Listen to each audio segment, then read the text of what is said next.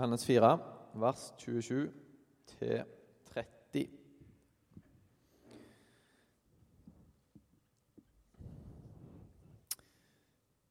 I det samme kom disiplene hans, og de undret seg over at han snakket med en kvinne. Men ingen av dem spurte han hva han ville, eller hvorfor han snakket med henne. Kvinnen lot nå vannkrukken sin stå og gikk inn til byen og sa til folk.: Kom og se, en mann som har fortalt meg alt jeg har gjort. Han skulle vel ikke være Messias? Da dro de ut av byen ja, og kom til ham. Og Så leser vi videre fra vers 39 og så til 43.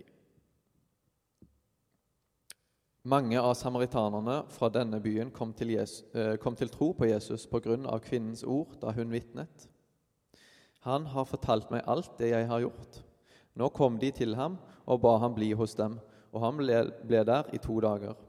Mange flere kom til tro da de fikk høre hans eget ord. Og de sa til kvinnen, nå tror vi ikke lenger bare på grunn av det du sa. Vi har selv hørt ham, og vi vet at han virkelig er verdensfrelser. Da de to dagene var gått, dro Jesus videre derfra til Galilea. Yes, Preben, hvis du kommer opp, så har jeg lyst at vi skal be for deg for Hvis det er greit. Kjære far. Eh, takk for Preben som står her nå eh, på vegne av deg. Eh, du ser eh, hva han tenker på og vil si. Jeg ber om at du må eh, legge ned eh, ditt ord i han og, og, og, fortelle det du har lyst til å si til oss gjennom Preben.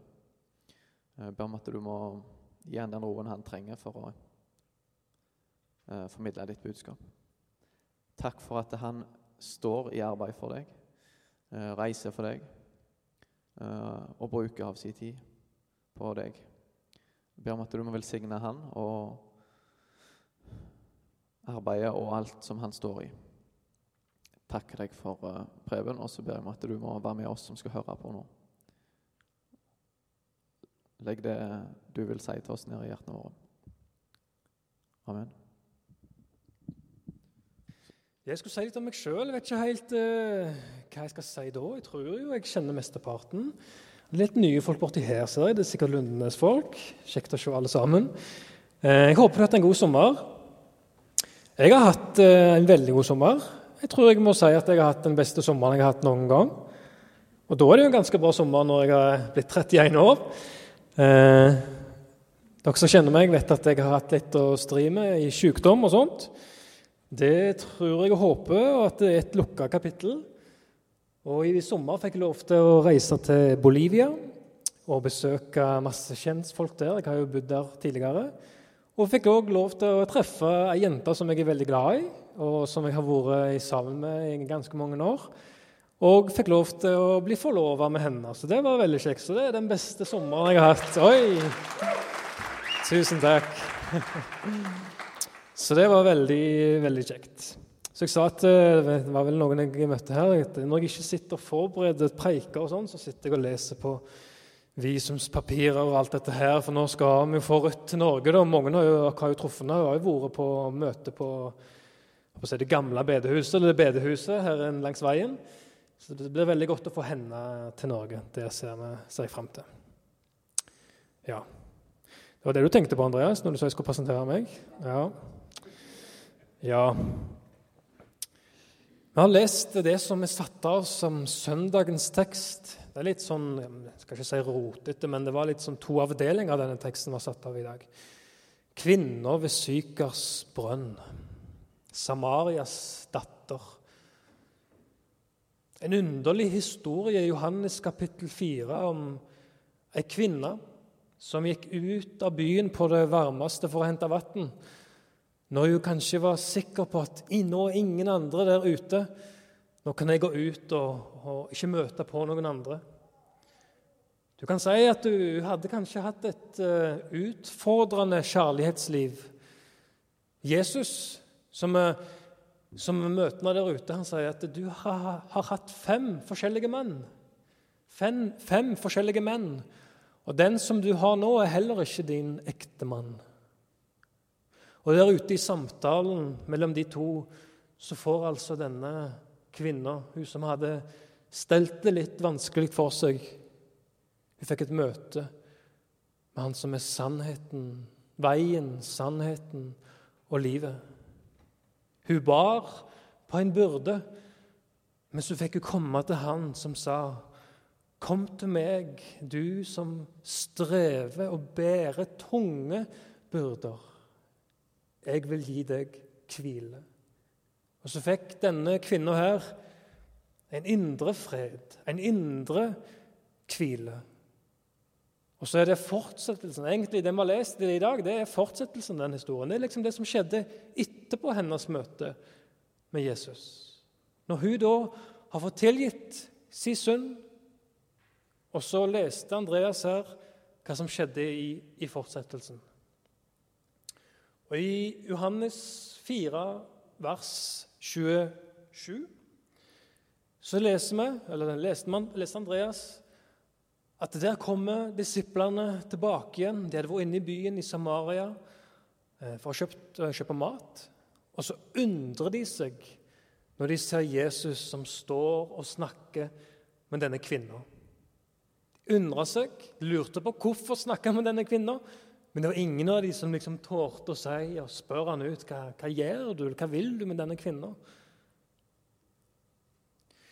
Det er blitt sagt at kvinner og menn på den tida der, en rabi, en lærer, skulle ikke ha noen ting med ei kvinne å gjøre. Faktisk var det en rabi som levde ikke så mange år etter Jesus, som sto fram og så sa han at det er bedre å brenne Toraen enn å forkynne til ei kvinne.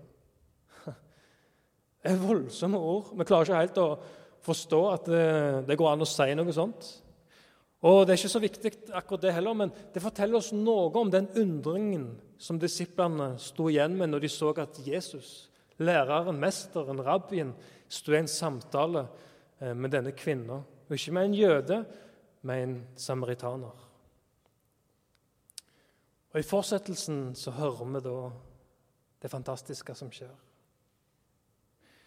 Denne kvinna som hadde gått ut på det varmeste, tatt med seg ei vannkrukke, sannsynligvis da for å hente vann. Men når hun går tilbake igjen til byen, så er liksom ikke denne vannkrukka noe viktig for henne lenger. For vi leste at vannkrukka står her, at vannkrukka ble stående igjen der med brønnen.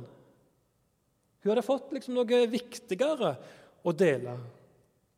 Ordet om Jesus. Skulle gå med ei vannkrukke, altså de gikk med vannkrukker liksom på skuldrene eller over hovene. Det ville jo gå veldig seint hvis du skulle liksom begynne å balansere med ei full vannkrukke innover til byen. Kanskje var hun liksom så Måtte skunde seg for å fortelle om Jesus. Ønsket ikke å gå glipp av noen flere minutter. Eller kanskje var det at du ønsket at Jesus nå kunne få lov til å drikke av denne vannkrukka. Det var jo det som Jesus hadde spurt henne om, om han ikke kunne få lov til å, å drikke av det vannet som hun heiste opp fra brønnen. Så kanskje satt hun i en vannkrukke for at ja, Jesus, mesteren, han skal jo få lov til å, drikke, eh, sluke tørsten. I bunn og grunn så var jo det en god mulighet for denne kvinnen å sette igjen vannkrukka. For da måtte hun jo liksom tilbake igjen til brønnen etterpå.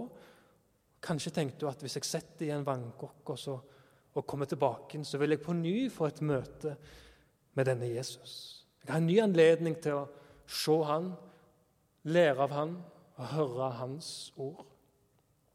I alle fall, vannkrukka ble stående, og hun gikk av gårde med eh, et ord om, om, Jesus. Kom og se en mann som har sagt meg alt det jeg har gjort. Han skulle vel ikke være Messias? En mann som har sagt meg alt det galne jeg har gjort. Han kan vel ikke Eller kan han være Messias? Han som eh, venter på. For samaritanerne òg venta på Messias.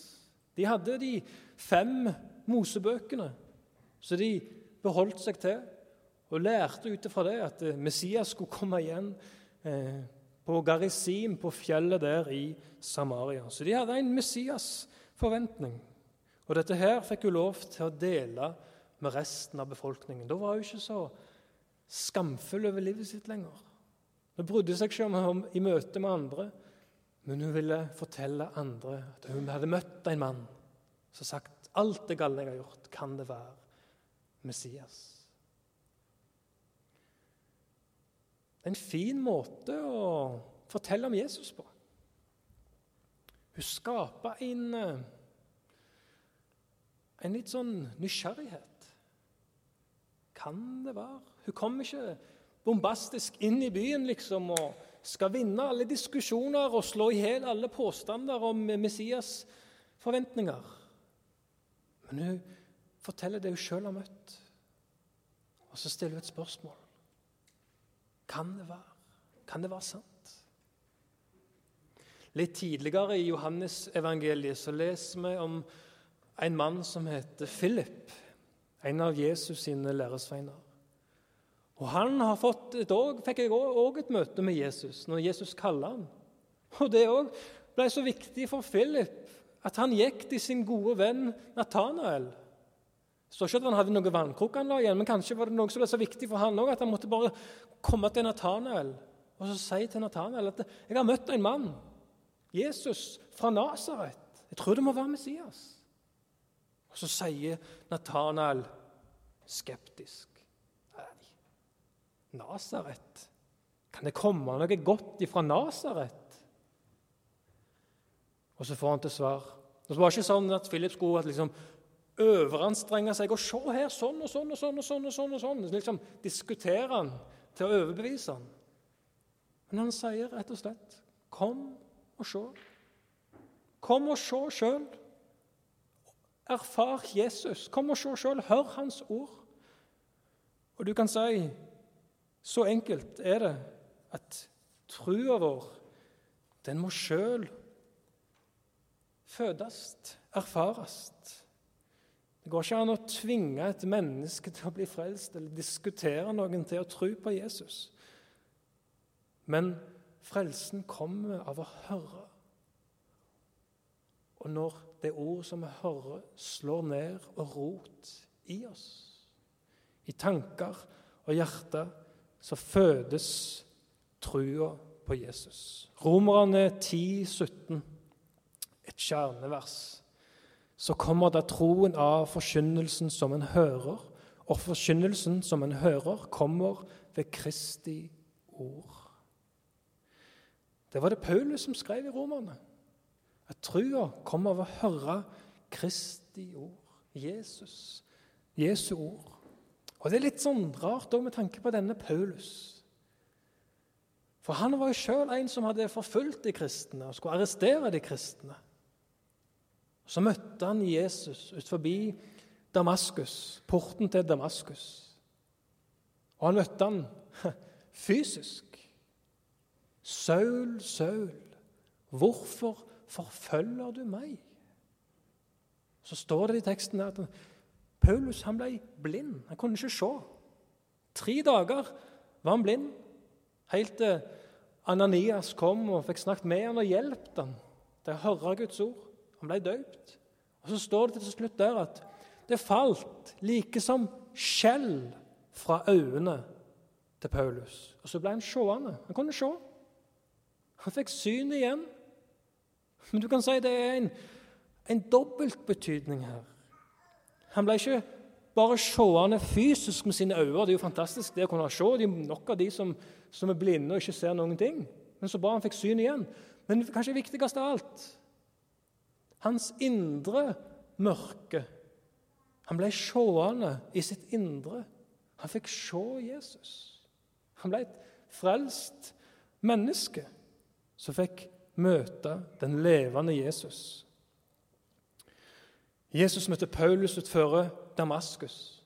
Og Jesus møtte òg denne kvinna her i Samaria, ut forbi eh, Samaria. Og I vers 39 så leser vi videre at det var mange av samaritanerne fra denne byen som trodde på Jesus av kvinnens ord da hun vitnet. Han har sagt meg alt det jeg har gjort. Det var hennes vitnesbyrd. Det var det ordet som gjorde inntrykk på dem og vekka interessen. En mann som har sagt alt det som jeg har gjort. Det er jo merkelig at en fremmed mann kan møte ei fremmed kvinne. De kjente ikke hverandre fra før. Han bare ser på henne, og så vet han alt om henne. Det, er nesten litt sånn skremmende. I møte med Jesus og så ser Jesus altså Hennes liv er som ei oppblåst bok. Han ser alt. Det er ingenting som går an å gjemme seg fra Jesus. Men han ser absolutt alt. Han så òg hennes synd, hennes mørke. Så vil han inn og tenne et lys. Tenne et lys der det var så aller, aller mørkest. Og I stedet for å gå vekk ifra henne Du er skitten, du er en synder, jeg kan ikke være i nærheten av deg. Så sier Jesus, 'Kom til meg. Kom til meg, så vil jeg gjøre deg rein.' Det står en sang Du visste alt om meg før du meg kalla. Du visste alt om meg før du meg kalla. Så er det noen som har ført til, da etterpå. Ja, og så kalte du meg likevel. Og så kalte du meg likevel. Litt sånn tror jeg det må ha vært for, for denne kvinna. Hun som hadde rota det litt til, om det går an å si det sånn, i, i livet sitt. Du visste alt om meg. Jeg har møtt en mann som har sagt alt eh, det jeg har gjort. Og Det er jo litt sånn interessant at det var det som på en måte sto fast hos denne kvinnen. For vi mennesker er jo skrudd sammen sånn at vi ønsker jo egentlig ikke at noen andre skal se og påpeke våre feil og våre synder. Altså Hvis det kommer en person til deg støtt og stadig og sier at du, du gjør sånn og sånn og sånn, du, du burde liksom blitt, blitt et bedre menneske, hvorfor gjør du ikke heller annerledes? Hvorfor slutter du ikke med det? eller hvorfor Prøver du ikke heller å gjøre det sånn, altså påpeke våre feil, påpeke våre synd? Da går liksom rullegardinene litt ned hos oss. Hvem er du liksom som står og sier hvor ille det er som meg? Du har sikkert nok med ditt eget liv. sant? Vi kjenner kanskje igjen eh, noen episoder eller, eller noen tanker eh, i livene våre. Men sånn var det ikke for denne kvinnen. Når hun møtte Jesus, og når Jesus møtte henne, så satt ikke hun igjen der liksom Hvem er du som dømmer meg? Men hun fikk se Frelseren sjøl, han som kan tilgi synd. Han ser meg akkurat sånn som jeg er. Selv om jeg ikke er verdig, så elsker han meg, og han vil ha meg som sin. Og akkurat dette tror jeg er utrolig viktig for oss som lever i dag. Hva slags Jesus er det som blir forkynt? Hvem er Jesus for deg i Norge i dag? For det er mye fint om Jesus. Bibelen sier utrolig mye om Jesus. Og det er mange gode, sterke sider med Jesus som vi for all del skal løfte fram og liksom snakke om og se hvor, hvor god han er, hvor kjærlig han er, hvor fantastisk Jesus er. Men Jesus er mer enn vår bror. Han er mer enn en konge. Han er mer enn en karmavenn. Jeg hørte om en som ville fortelle Jesus jo, Jesus han er min karmavenn. Jesus, han er den som har sagt meg alt det galne jeg har gjort, og som fremdeles har tilgitt min synd og vil ha noe med meg å gjøre. Vi har alle et behov for denne Jesus, fordi vi er alle syndere. Vi har alle et behov for å se Frelseren, redningsmannen. Og som synderinna i Simons hus, som vi leser om i Lukas kapittel 7, da sier Jesus den som, fått, den som får mye tilgitt, elsker mye, men den som får lite tilgitt, elsker lite. Jeg har tenkt mye på i det siste. Elsker vi mye, eller elsker vi lite? Av våre medmennesker, de som er rundt oss, bryr vi om oss som naboen, om vår neste? Har vi et bankende Jesushjerte for de som ennå ikke har hørt? Jeg tror det starter noe med der, med brønnen i Samaria, sånn som denne kvinna. At vi får se litt av oss sjøl i Guds lys. Jo mer du ser deg sjøl i Guds lys, jo mer du ser av din egen synd, jo større og viktigere blir Jesus for deg. Jo større og viktigere blir han, jo mer trenger du han. Hans omsorg, hans kjærlighet, hans nåde. I Samaria så ble det jo vekkelse til slutt. De kom ut og så Jesus, fikk snakke med Jesus. Han var der i, i to dager og forkynte og lærte. Og såkornet var hans ord, Guds ord. Det som vi var inne på i Romerne 10. Og så hadde vi til et åpningsord. Så en av lesetekstene i Romerne 1, 16, som er et fantastisk vers. Det er sånn at Jeg vet ikke om du streker under i Bibelen din, men hvis du gjør det, hvis du liker å streke under og ikke har strekt under Romerne 1,16, så skal du få lov til å låne kulepenn av meg, så kan du streke under der eh, i dag eller når du kommer hjem. For jeg skammer meg ikke ved evangeliet, for det er en Guds kraft til frelse for hver den som tror. Sier Paulus. Jeg skammer meg ikke over Jesus, Christ, over Jesu Kristi evangelium, for det er Guds kraft. Står det på gresk dynamitt. Da klinger det litt bedre. Altså Det greske ordet for kraft er dynamitt. Det er sprengladning i disse ordene her. Guds ord er levende og kraftigere enn noe tvega sverd, som kløyver sjel og marg og bein, står det i Hebreabrevet. Guds dynamitt. Med denne sprengladningen her var det kvinna i Samaria gikk inn med i byen. Og så detonerte det der i en stor vekkelse, der folk fikk lov til å møte Jesus. Fikk lov til å få tilgivelse for sin synd. Så sier de i vers 42, det siste vi leste. Nå tror vi ikke lenger på grunn av det du sa, sa de til kvinna. For nå har vi selv hørt, og vi vet at Han i sannhet er verdens frelser. Der har du det. Ingen karmavenn. Han er ikke vår karmavenn. Det var ikke det de sa i Samaria, men Jesus. Han er verdens frelser. Han måtte lide for å frelse verden, for å frelse de som var fortapt. To ganger i vår bibel står det ordet der. Verdens frelser er lite. Kunne tro det sto mye mer. Verdens frelser. Det står her i Johannes 4, og så står det òg i 1. Johannes brev 4, eh, 14. Jesus, verdens frelser. Og i tråd med vår egen organisasjon, hvis det går an å si det sånt, NLM, Misjonssambandet, jeg reiser for Jesus, og så er det NLM som betaler lønna mi. Det er jo fantastisk at det går an å gjøre det sånn. Ha et motto 'Verden for Kristus'.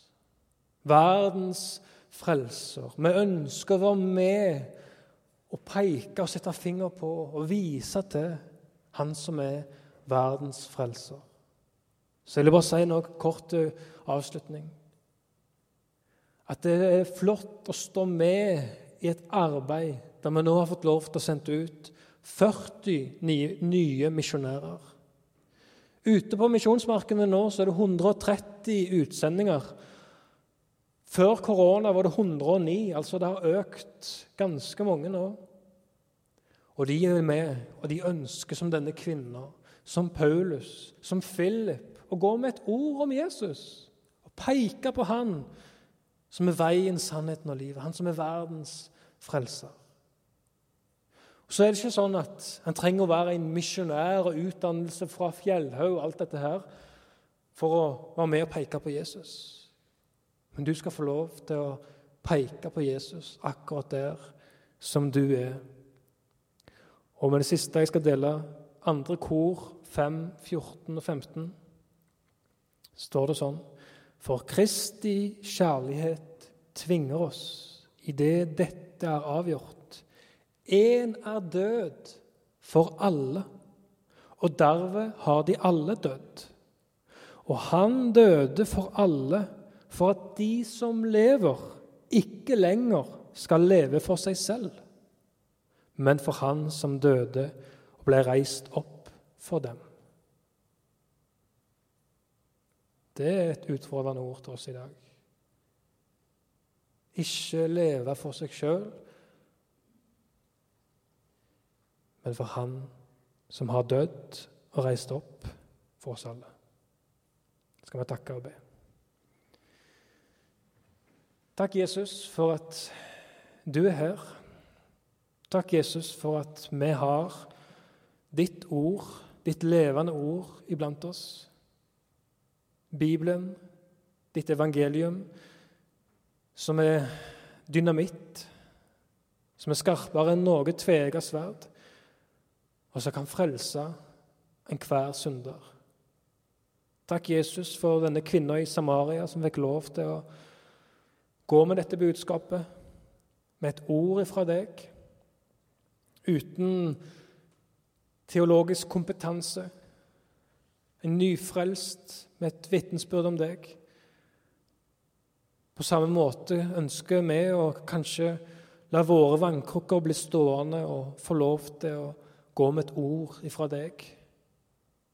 Du ser bygda og bygdene våre, Jesus.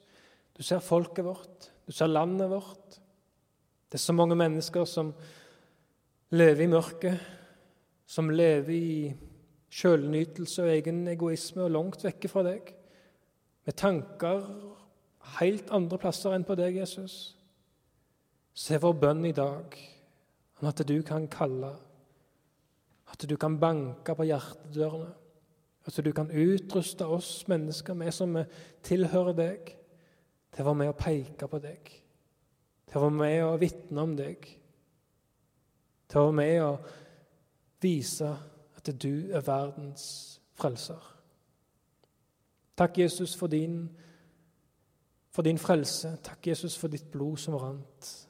Og takk for at vi har et evig liv, et evig håp i himmelen. Kom du, og vær du oss nær. Amen.